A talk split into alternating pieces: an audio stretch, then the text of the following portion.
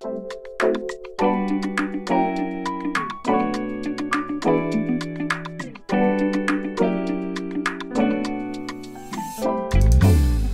välkommen till Fantastisk hälsa. Mitt namn är Johan Erkle. Jag är kock och matentreprenör.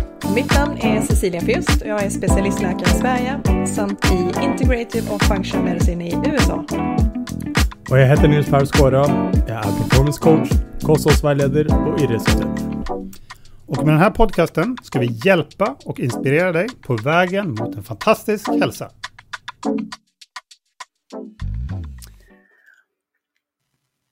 Yes, då är vi tillbaka igen. Och idag ska vi prata om någonting som heter PCOS. Så välkommen Cecilia. Tack Johan. Eh, detta är ett område som jag inte kan någonting om. Men det är en lyssnare som eh, frågade om detta. Så att eh, det blir väldigt intressant för mig också. Så du kan väl berätta lite. Det är en förkortning för någonting där. Jag har förstått. Ja, precis. PCOS är, uh, den engelska förkortningen är Polycystic Ovarian Syndrome. Uh, det betyder helt enkelt uh, blåsor på äggstockarna om man ska förenkla det. Uh, och syndrom det är helt enkelt att med det här sjukdomstillståndet så kommer det en massa andra symptom.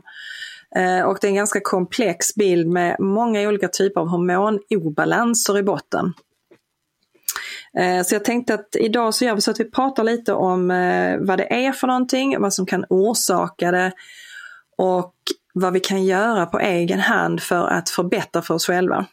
För det är många olika mekanismer som är igång så det, det, är lite lättare om man bara delar upp det och så går man sen in på vad man faktiskt kan göra själv för att påverka sitt eget förhållande när det kommer till de här hormonerna och den här obalansen. För det ganska, kan vara ganska jobbigt eh, att komma till rätta med och det kräver ganska mycket insatser från en själv. Men då är det lättare att förstå, om man förstår bakgrunden så finns det faktiskt saker man kan göra själv för att få kontroll på detta och må ganska bra.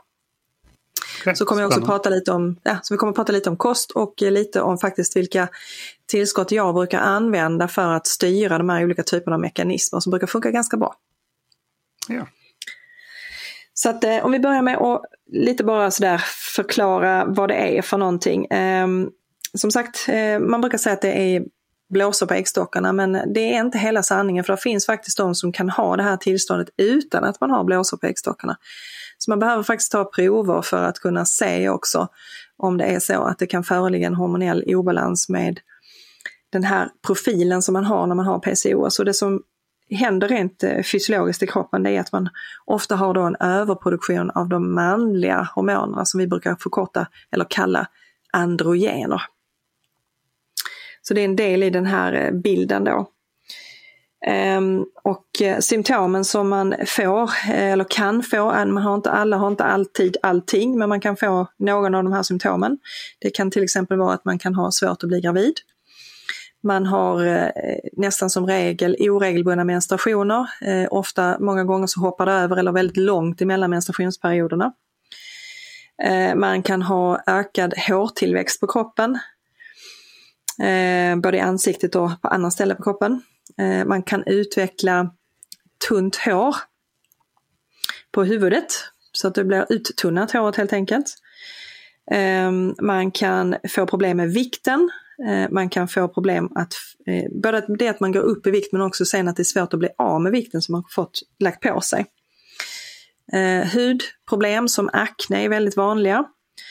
Och sen något som man kanske inte direkt eh, först kopplar till det och som gör att man ofta kan få väldigt konstiga diagnoser, det är att man kan ha en väldig utmattning, trötthet eh, och oro och depression. Så det kan också faktiskt eh, många gånger gå på den mentala välmåendet också. Eh, så då kan man hamna lite fel eh, om man liksom inte ser hela bilden av detta. Um, det man ser när man mäter detta, eh, som sagt man kan ha blåsor på äggstockarna, man behöver inte ha det. När man tar prover så ser man däremot ett förhållande med ett litet signalhormon från hjärnan som produceras från hypofysen som heter, förkortas LH. Den nivån är ofta förhöjd ganska kraftigt medan det andra styrhormonet som heter FSH antingen är normalt eller lågt. Och sen har man då också en överproduktion av androgener som man då kan mäta i blodet. Och då får man en diagnos som man då sätter för, som då kallas för PCOS. Um, ehm, orsaken till detta vet vi inte riktigt. Alltså det är ingen sån där tydlig orsak till varför vissa drabbas av det. Vi vet att det är en hel del genetik bakom detta. Eh, risken ökar om det finns i familjen sedan tidigare. Eh, jag vet sen man tittar liksom på olika typer av genetik så är det en viss typ av gener som är kopplade till omsättning av hormoner. Eh, som gör att ehm, eh, man kan drabbas av obalans i andra system och förhållandet mellan hormonerna kan bli påverkade. Så det vi då kan göra det är att försöka förbättra alla de faktorer som vi vet försämrar förhållandena med PCOS. Och det inkluderar då lite olika områden som vi ska prata om idag. Det är till exempel inflammation. Det är de här andra hormonella obalanserna som vi ska försöka påverka. Eh, där ingår till exempel en väldigt drivande faktor i PCOS och det är insulinresistens. Eh, och det är då genetiken om man känner till den. Annars finns det annat man kan göra där. Och så ska vi också diskutera lite runt det här med, med eh, att man kan ha andra komplicerande sjukdomar som till exempel typ 1 eller typ 2 diabetes som då gör det ytterligare lite svårare att hantera. Eh, om vi då börjar med den kroniska inflammationen. Ehm, den spelar en väldigt stor roll att utveckla PCOS. Så att har du av en eller annan anledning ökad inflammationsrespons i kroppen. Och det kan vara efter en infektion, det kan vara att du lever på ett sätt som gör att du producerar väldigt mycket olika typer av inflammatoriska ämnen. Och då, då ovanpå det har en viss typ av genetik så kan du alltså starta upp och driva igång de här processerna som sen utvecklas till PCOS. Så inflammation är en bidragande orsak till att utveckla PCOS. Och vi vet att kvinnor som har PCOS har högre nivåer av olika typer av inflammatoriska molekyler som vi då kan mäta i blodet bland annat. Och det är också en, ofta en låggradig inflammation. Eh, så det är en av orsakerna. Eh, den andra, som också då är väldigt vanligt, det är då det här som vi pratar om som är då insulinresistens. Så att problemet här det är när du har för mycket insulin och högt blodsocker så orsakar det i sig en hormonell obalans. Och om vi då drar oss till minnes lite hur eh, det här med blodsocker regleras så är det så att när du äter någonting eh, som till exempel eh, innehåller eller omvandlas till socker så tas det upp i blodet och då frisätter kroppen insulin för att helt enkelt guida det här sockret till att antingen förbrännas eller att lagras som fett. Så att när insulinnivåerna eh, ökar, eller snarare när blodsockernivåerna ökar så ökar insulininsöndringen. Um, ehm, någonting som man nog inte vet om kanske som kvinna det är att när det finns insulin i blodet så ökar frisättningen av testosteron från äggsockarna. Så det, kommer, alltså det är en normal reaktion. Så att när du har mer insulin i blodomloppet så frisätter du mer testosteron ifrån dina äggstockar. Och när då sockret sjunker igen så sjunker insulinet och då slutar du frisätta testosteron från äggstockarna. Men har du då en livsstil som gör att du ligger väldigt högt i insulinproduktion, till exempel genom att äta mycket snabba kolhydrater, bröd, pasta, kakor, bakverk, söta drycker, allt det här som jag pratat om så många gånger så som driver upp sockerinnehållet i maten och sockret i blodet. Då kommer du per automatik att ligga betydligt mycket högre i testosteronfrisättningen i blodet också. Eh, och det i sin tur kan då driva på, bland annat sockret kan driva på inflammation och eh, det, det förhöjda och hela tiden varierande insulininsörningen och du hela tiden pressar upp eh, blodsockernivåerna.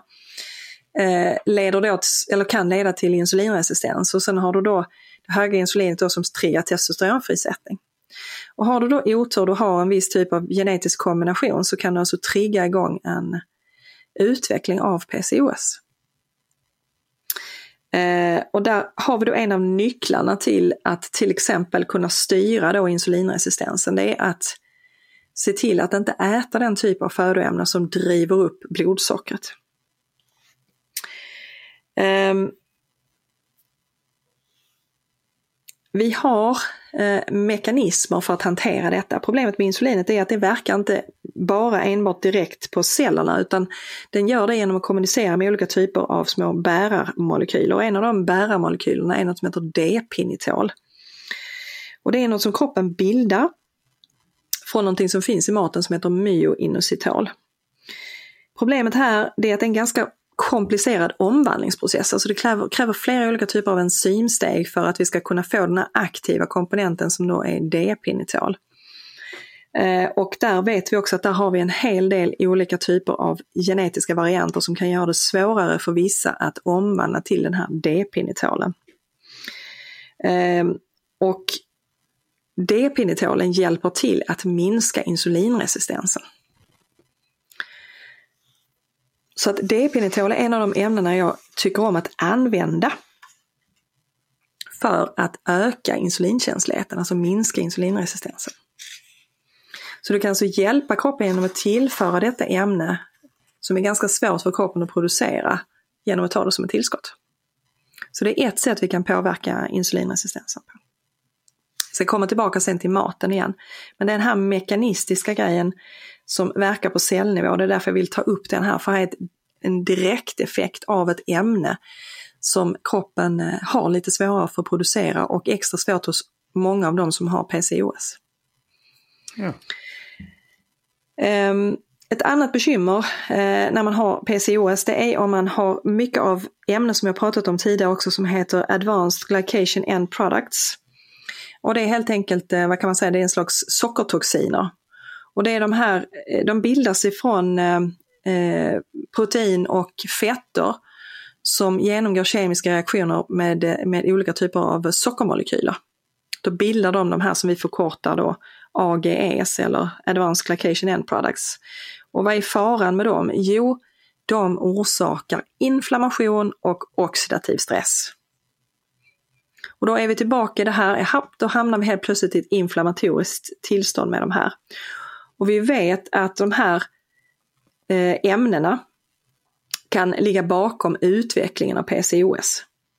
Och då ska man veta att vissa födoämnen innehåller ganska mycket av de här i sig själv. Och då ska vi naturligtvis undvika den typen av mat för att minska mängden av de här AGE-produkterna i cirkulationen. Och det man ska tänka på där, det är att som vi så många gånger pratar om, det är att använda bra råvaror.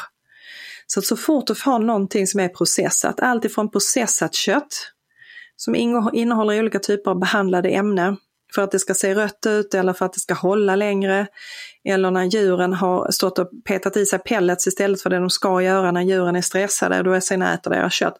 Allting sånt kommer att skapa och bilda de här ämnena, precis som de gör hos oss och sen äter vi det alla former av fetter, fettprodukter, majonnäser, eh, stekt ägg eh, till exempel. Så att när du, när du förvandlar och omvandlar mat eh, och du har väldigt mycket till exempel eh, ehm, eh, snabbmat eh, från McDonalds eller något annat sånt här där du har du har pommes frites Eh, de innehåller massor av de här ämnena till exempel. Där du kokar och upphettar i olika typer av halvdåliga oljor. Då får du också den här typen av ämne.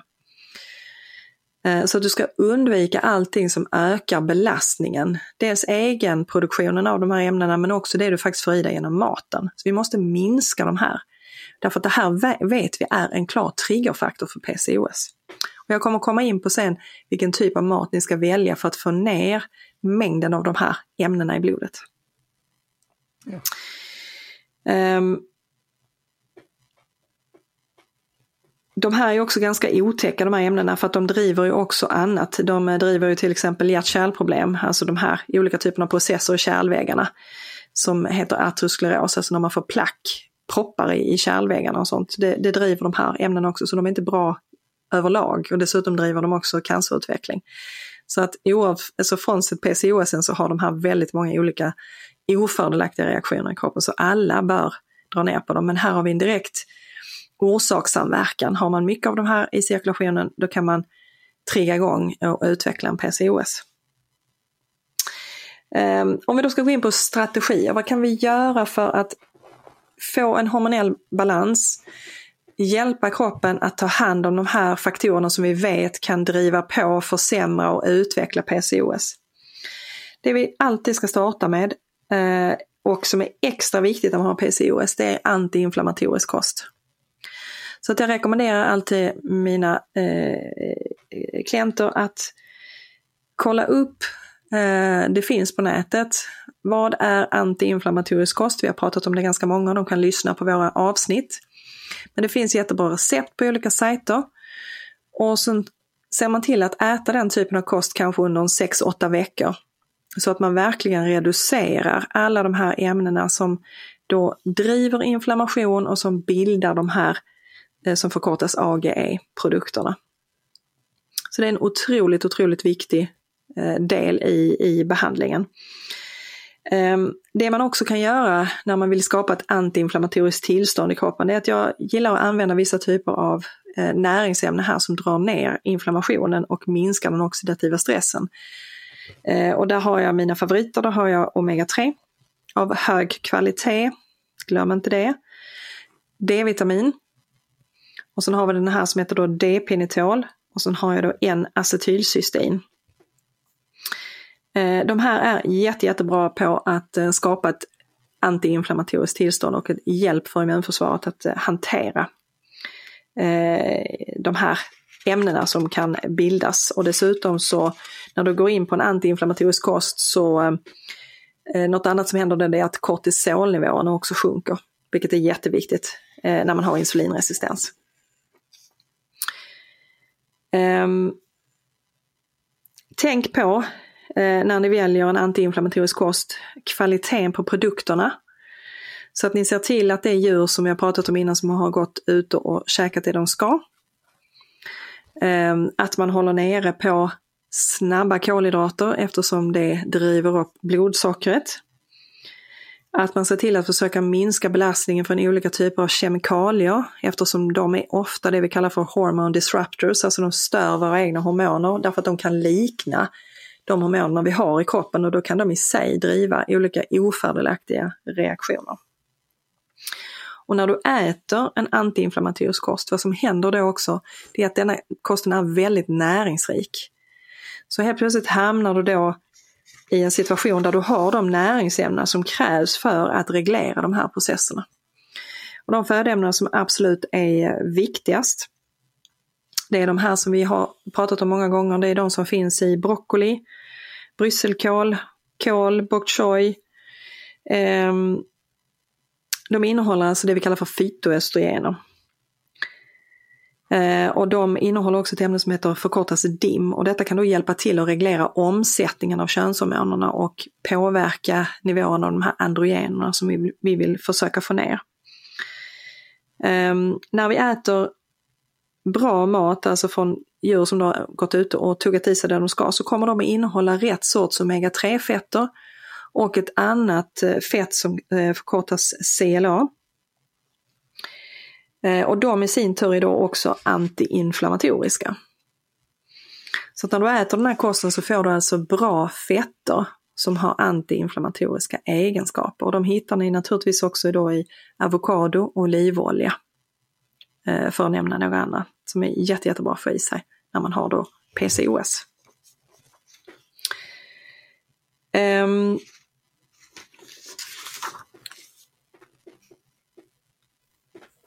nummer två, det är att försöka gå ner i vikt. Påverka din vikt och det kan vara nog så svårt om man har en hormonell obalans och då är det vissa saker man kan tänka på som kommer att hjälpa er på traven Eh, i, i förhållande till att eh, försöka komma åt vikten och det man måste försöka vila mot här det är muskel-muskelmassa. Därför att muskler kan förbränna utan att de behöver insulin. Därför att när du använder muskulaturen så kommer det upp receptorer på ytan som kallas för icke insulinberoende receptorer som då kan dra in överskottssockret och musklerna kan då förbränna det. Och även börja förbränna överskottsfett. Eh, och det gör du till exempel genom att köra det som jag pratat många gånger om också som kallas för HIT-träning. High Intensity Interval Training. Vill man så finns det ett sätt att påverka kortisolfrisättningen, vilket ofta är ganska hög när man har PCOS. Och kortisol är ett spararhormon som gör att du lägger på dig mer fett och får jättesvårt att metabolisera fettet. Och det jag föredrar här som är, faktiskt är riktigt effektivt på att eh, få ner eh, kortisolproduktionen, eh, det är att köra fastedagar. Eh, så att bekanta sig lite med det och börja med att köra en fastedag i veckan och då gör man helt enkelt så att då äter man någon gång på eftermiddagen mellan 4 och 5 och sen äter du inte nästa gång igen förrän 24 timmar senare, nämligen mellan 4 och 5 dagen efter. Så att du får 24 timmars uppehåll med mat. Då sker nämligen en viss eh, förändring och framförallt så sjunker eh, kortisolnivåerna ganska så radikalt. Eh, kan man sen om man känner att det är okej okay för en, om man får in en rutin här, så kan man öka det till två gånger i veckan. Men man ska aldrig köra två på varandra följande dagar, utan man fördelar dem på en vecka på sju dagar. Så att tre dagar emellan i alla fall. Eh, då kan man väldigt kraftigt eh, få en, en förbättrad situation när det gäller insulinresistens och kortisolfrisättning. Så det är väl de två favoriterna jag har här när det gäller PCOS. Så heldagsfasta eh, samt eh, träning där du engagerar musklerna, belastar musklerna ordentligt eh, eller kör hit-träning. Då får du hjälp av eh, mekanismer i kroppen helt enkelt. Ja. Um, vi vet också eh, när det gäller det här med hormonbalansen att eh, många gånger så har man eh, förändringar i något som heter aromatasenzymer. Alltså det, det är enzymer som eh, kan vara bra och förskjutna på olika typer av håll beroende på din genetik. Eh, och här ser man många gånger att man har en ökad konversion hos vissa personer så att de går mer mot de här androgenerna, de här manliga könshormonerna. Eh, och där finns det då olika typer av tillskott som jag brukar använda för att hjälpa de här mekanismerna på traven. Eh, för att eh, helt enkelt försöka komma åt mekanismerna, eh, att, att balansera hormonerna. Och det man använder här, som är väldigt effektivt, det är något som heter kalcium D-glukarat. Det hjälper dig helt enkelt att bryta ner överskottsöstrogenet. Därför Därför det är ofta det du får när du har PCOS. För att progesteronet brukar gå till kortisolproduktion nämligen. Då får du en indirekt högre östrogennivå i kroppen och det kommer att hjälpa eller bidra till de här andra symptomen då som man kan uppleva. Och använder man då till exempel kalcium D-glukarat så kommer det effektivt att bryta ner överskottsöstrogenet. Eh, så det är egentligen de här delarna eh, som är viktiga när man har eh, PCOS. Eh, så om vi då ska repetera igen, så att det du kan göra då själv det är att 1. Se till att äta på ett sätt som inte driver upp insulin och inte driver upp sockerläget. Starta gärna med att köra ett par veckor, åtminstone sex veckor med en antiinflammatorisk kost. Eh, se till att få i dig näringstät mat så att du har näringsämnena som krävs för att omsätta hormonerna och balansera insulinet. Hjälp kroppen att sänka kortisol genom att till exempel utnyttja intermittent fasta och att muskelträna. Nummer två, ta hjälp av olika typer av tillskott som jag pratat om här för att öka insulinkänsligheten och hjälpa till att bryta ner överskottshormoner som på ett eller annat sätt negativt kan påverka. Eh, naturligtvis så kommer ju då kortisol som man får när man stressar att påverka detta tillståndet negativt. Så det är också en faktor som är viktig att tänka på. Stresshantering eftersom det i sig ger förhöjda kortisolnivåer. Så det är de här stora områdena som man kan komma åt PCOS genom att påverka. Ja. En fråga då. Eh, det är mm. ju att eh, det här var ju om man då har den problematiken. Mm. Men hon frågar också om man kan förebygga. Är det exakt samma saker man ska göra för att förebygga att om man har det mm. ärftligt till exempel? Definitivt, eftersom vi vet att de kausala alltså orsaksfaktorerna är inflammation, ett högt insulinläge med högt sockerläge. Eh, och att påverka de här faktorerna som driver på, till exempel genom att äta fel kost. Att ha ett inaktivt leverne, så att du inte tränar på regelbunden basis. Så att det är precis samma faktorer som du ska ägna dig åt för att minska din risk att få det, som det de ska göra som har det. Ja. Eftersom det är de som är de drivande faktorerna bakom det. Så det är egentligen precis samma faktorer du måste komma åt, både preventivt för att inte få det och väl när du har fått det.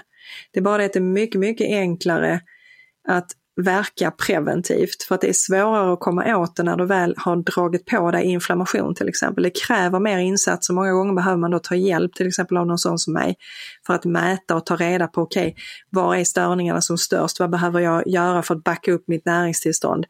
Eh, jag kanske har fått problem med mag-tarmkanalen. Jag har kanske fått inflammation i någon kronisk inflammation i någon leder bindväv, någonting annat som jag måste åtgärda först. Det kan kräva en mer insats.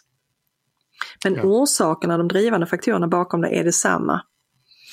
Oavsett om du har utvecklat det eller om du har det. Så att du måste komma åt de här mekanismerna för de är gemensamma.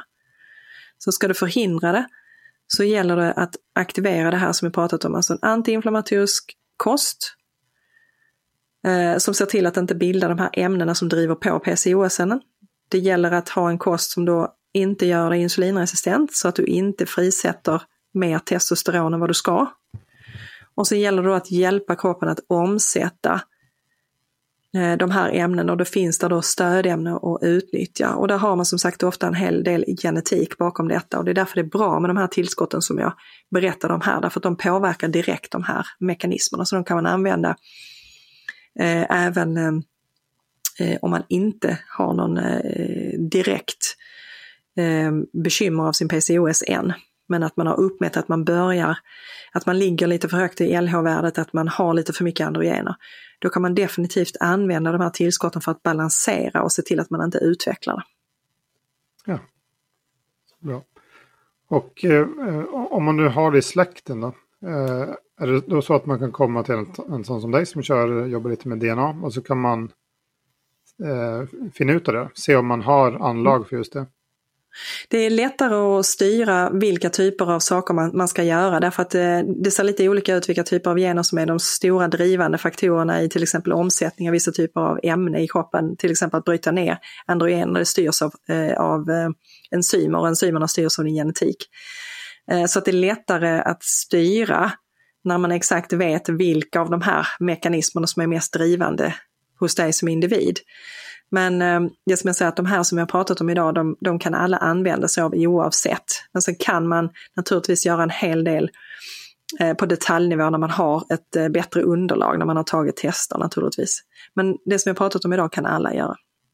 Ja, och de testerna kan man göra hos en, en vanlig läkare? Alltså det... De vanliga blodproverna, ja, för att se ja. om man är, har risk för PCOS, ja. FSH, LH ska man mäta, man ska mäta prolaktin, androgenerna eh, och man ska mäta östrogen eh, för att se hur det ser ut. Och det kan man ja. göra hos sin, hos sin doktor helt enkelt. Inga konstigheter med det. Och ligger man då högt i androgener och högt i LH, eh, då har man en ökad risk för att utveckla det eller så har man det. Och naturligtvis också mäta faktiskt var man ligger insulinmässigt. Man ska mäta sitt blodsocker, man ska mäta långtidssockret och gärna också faktiskt kontrollera eh, fast insulin. Så vet man hur det ser ut. Ja, så bra. Ja, men fint, då lärde jag mig väldigt mycket nytt igen då, som jag brukar göra i den här podden. Men är det något annat du, du vill lägga till eller har du, nu har du gett eh, många bra råd i alla fall? Eh, som sagt, det är det viktigaste, det vi har pratat om här, att eh, kontrollera. Därför att detta kommer du åt eh, faktiskt att kunna balansera ganska bra om du följer de här råden. Ja. Då kommer kroppen att börja ställa om. Precis. Ja, men så bra. Då får jag tacka för en bra prat igen. Och så är vi tillbaka nästa vecka med något nytt och förhoppningsvis spännande det också. Så tack för idag Cecilia. Tack Johan. Hej då.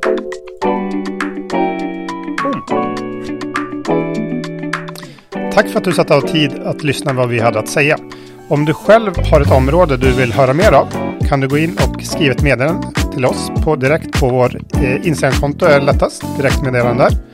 Fantastisk halsa är ett ord. Eller så kan du hitta mer information om oss på vår hemsida fantastiskhälsa.com. Tack! Thank you.